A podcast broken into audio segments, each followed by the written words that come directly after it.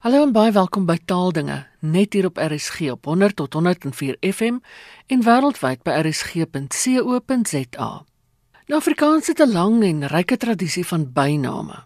Ek praat vanoggend hieroor met Jana Liter wat onder meer by die WAT, die Woordeboek van die Afrikaanse taal, betrokke is.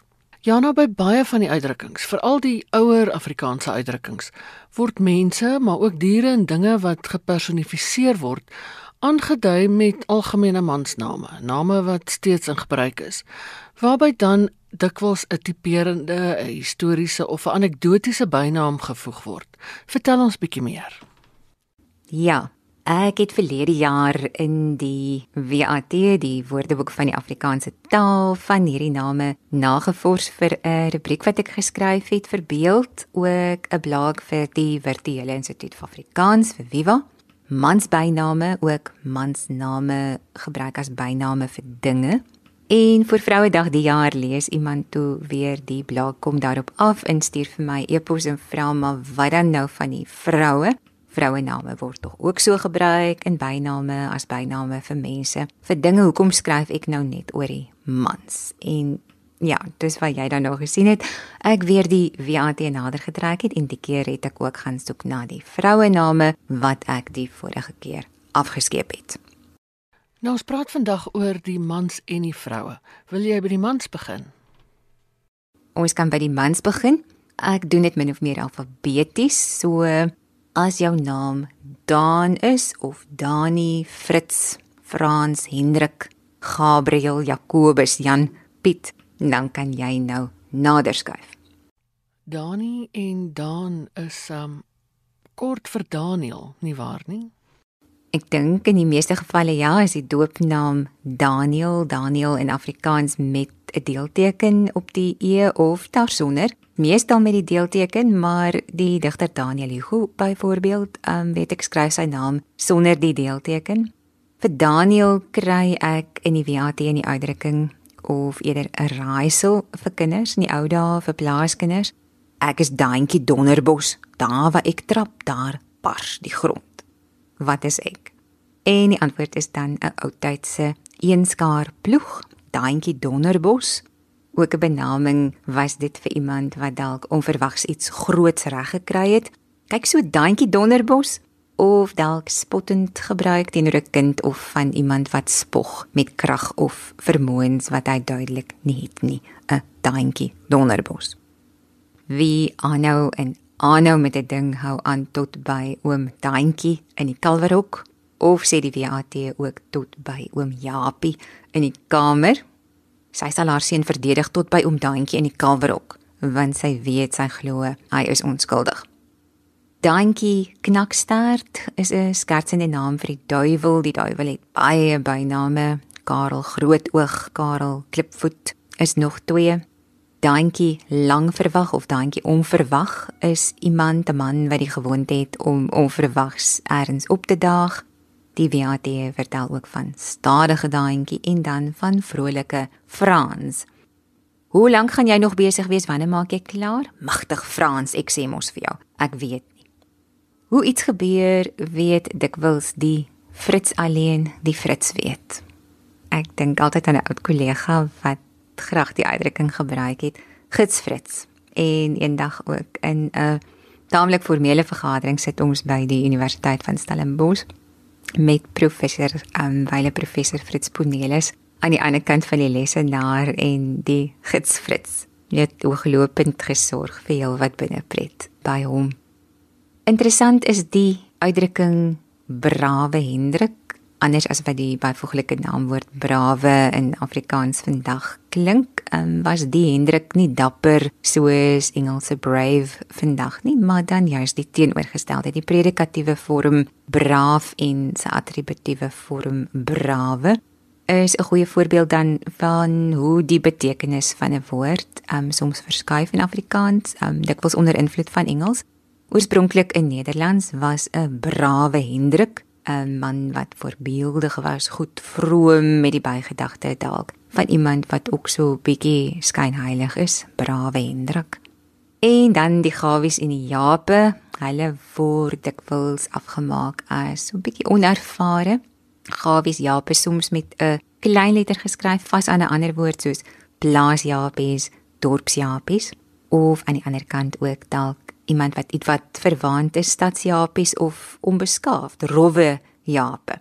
Vir my lyk like hy goor 'n regte ou Jaap, haal die WAT vir Anna Imlou aan. As jy met een idee behep is, dan besorg dit jou dalk die bynaam Jakob Eensnaar, iemand wat altyd net oor dieselfde ding wil praat of dieselfde ding wil doen. Wees dan liewer die ware Jakob, die regte persoon, die regte ding, die ware Jakob. En daardie Jakob word deesdae gewoonlik sommer met 'n klein letter geskryf.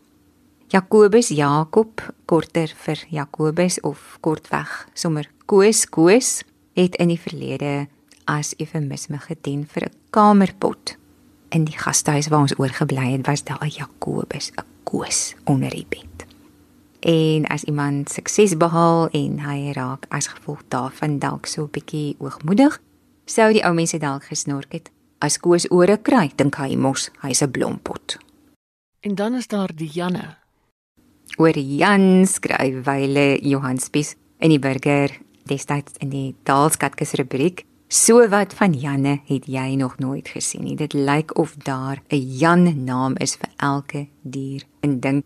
En dit is ook so Jan Alleman, ook Jan en Alleman, Jan Burger, Jan Bali, Dom Jan en Slim Jan, Jan Dromer, Maljan, Maljan onder die hoenders vir 'n man alleen tussen 'n klomp vroue. Um, Jan Laventel, Jan Niemand, Jan Pampoen, Jan Piet Pauling Klaas, Jan Rapp en sy maat Jan Pikbroek is skertsend vir 'n matroos, Jan Publiek, Jan Sali, Jan Tax en dan vir my die mooi ene, Jan Toentjies, Jan Toentjies, 'n uh, ander naam by naam vir 'n eystervark. Om van vele uitdrukkings met Janne nie te praat nie, liewer bang Jan as dooie Jan, liewer lui Jan as dooie Jan van Jan Toekie se dae af. Met Jan tuis bly se karretjie gaan kyk maar in die WAT, daar's nog baie. Die New York Times het verlede week die Engelse skrywer aan Janet Winterson waar sy sê dat sy al die boekdele glo besit van die groot Engels um English Dictionary die OED. En sy sê my young friends look astonished why not just Google it. But there is so much else in there than simple definition or derivation. To me, a proper dictionary is a book of spells. En dit is wat die WAT ook is vir Afrikaans vir my, 'n book of spells. Um wat 'n mens baie lank kan besig hou. Maar terug na die name van Hercules, die held in die van die klassieke mitologie, kom Herklaas en van Herklaas Klaas en Klaasie. Klaas blaas die fluitjie, gooi sy ma met 'n kluitjie. Klaas blaas die hoogste noot, gooi sy ma met 'n beespens dood. Lei 'n aaklige uitskelrympie in die WAT. In die Roggeveld is Klaas Naald, Klaas Naald een van die name vir 'n rooi jakkals, ook Klaas Vos, Klaas Vossie. Boerneef noem hom Klaas Skaapvanger. En dan is daar Klaas Fakie, die verpersoonliking van slaap en as jy Klaas Vaakpraatjies praat dan praat jy onsin vir 'n man gewoonlik in 'n situasie waarin hy sonder om te wil deur sy aard of optrede die laglus prikkel vir so 'n man net ons. Koos van 'n Merwe, wie ken 'n uh, van 'n Merwe grap, wie ken nie 'n uh, van 'n Merwe grap nie. Piet kom ook dikwels voor, nie waar nie? Ek het getel in die WAT se eerste 14 boekdele, daar's nou 15, die middelste deel van die letter is dit vroeër verjaar verskyn, maar ek het hier net na die eerste 14 dele gekyk en daar in al 14 dele van die WAT maak die woord Jan sy verskyning nie minder nie as 7763 keer. 7763 Janne teenoor 553 Piete. So daar's Piet Paul en Klaas om na almal enige iemand te verwys. Iemand wat 'n saai Piet is, is nou nie ja baie interessant nie. Hy doen maar net sy werk en sy ding. Saai Piete en moenie 'n dom Piet wees nie, kan jy vir iemand sê. Piet Verdriet is die was die naam van 'n kinderspeletjie waarby kinderspelers in 'n kring gestaan het en dan weggehardloop het in Piet Verdriet. Was die ouetjie in die middel wat alleen agterbly en wat dan die ander klomp moet gaan vang. Piet Fluit is 'n ketel na die fluitgeluid wat partyketels maak as die water kook en die stoom daar uit die tyd ontsnap en Piet Langpoot, Piet Langpoot, 'n bynaam vir 'n huisspinnekop. Nou lyk dit of ons alweer die vroue afskeep. Gee ons 'n paar voorbeelde van vroue byname. Ja, kom ons kom gou by die vroue, maar waar dit by byname kom, is ons wel in die minderheid. In die WAT is daar baie meer mansname opgeneem as vrouename. Ek kry vir Antjie, Bella, Berta, Magriet, Martha, Saartjie, Sunny, nog 'n paar ander van Anna, Anetjie, Antjie kom Antjie Taterat, Antjie Taterat wat skinder, ons hoor dit nie meer, ek hoor dit nooit meer nie, maar dit sê so lekker Taterat. Jy kan sommer hoor hoe Antjie Taterat skinder. Antjie Somers, die bang maak man, vrou en mooi ene Antjie Soetjie Strap Antjie Soetjie strap 'n bynaam vir 'n verkleurmannetjie vir 'n trapsoetjies, Antjie Soetjie strap. Tant Bella of tant Belly, tant Belly staan op die stoep, gesê aan iemand gewoonlik 'n kind met 'n druppel aan die neus. Na Bertha Krupp, Bertha Krupp van die Duitse Krupp dinastie, dit was eens die grootste staal en wapenbedryf in Europa. Na die Bertha het soldate tydens die Eerste Wêreldoorlog hulle nuwe howitzer genoem. 'n Howitzer is 'n swaar kaliber wapen tussen 'n kanon en 'n mortier, die het Dik Bertha geheet. Maar die Bertha het ons voortrekkers natuurlik dan nou nie geken nie. As ligte kanon het hulle vir ou Grietjie gehad en as spangeweer vir ou Sanna Grietjie en Sanna. Van Margareta kom Margrietjie met 'n R of partykeer ook daar sonder margrietjie, magrietjie, die naam van die blommetjie. Ook die uitroep korter is beter, griet. O my griet. Goeie grietjie. En by Humansdorp is grietjie een van vele name byname vir die insek, die muurleeu. Grietjie en plikkie, grietjie en plikkie, hulle is ek en jy, ons niggies van Jan Rapp en sy maat. Wie vir grietjie soen of haar suster Langnek Kaaitjie, Kaaitjie Langnek, die kyk diep in die bottel, die drink so 'n bietjie te veel. Martha, Martha se Markie met die agternaam van Lou, Markie Lou was eens volksetimologie vir Marshall Law. Kakies op komando het hier ons dorp beset 'n Markie Lou geproklaameer, vertel Leipold se oom Gert. 'n Sunny Sunny van die plaas word kwetsend gesê is ongesofistikeerd, naïef, maar trap maar lig. Sunny van die plaas is nie altyd so 'n totale koek soos jy dalk dink nie. In die Oeverberg daar het die son Martha. Waar bly Martha vanmôre? Martha sit nog hoog. Martha sit al op die berg. Martha trek water. Martha trek haar kop weg. Waar sou die naam Martha vandaan gekom het wonder 'n mens vir die son, Martha. En Saartjie, Saartjie se saak het niks met jou te doen nie. Man, dis Saartjie se saak, skoortier, gaan weg. Katarina, Katarina se kaaitjie, kaaitjie is 'n kikkelbek, kaaitjie van die baan. Kaaitjie is 'n bok, 'n bokkie vir sports. Vanaand kaaitjie van die baan, môre dooi Bobbejaan. Het die ou mense glo gesê van 'n kind of 'n jong mens wat tot laat wakker bly en dan die volgende oggend vaak vaak opstaan. Saans gousblom, smorens molsoop. Kuskaaitjie, pas op. Maak jou klaar vir gevaar. En as alles reg is, alles weer reg is, dan is die kind se naam Kaaitjie. As alles gedoen is, dan is ons Kaaitjie en klaar.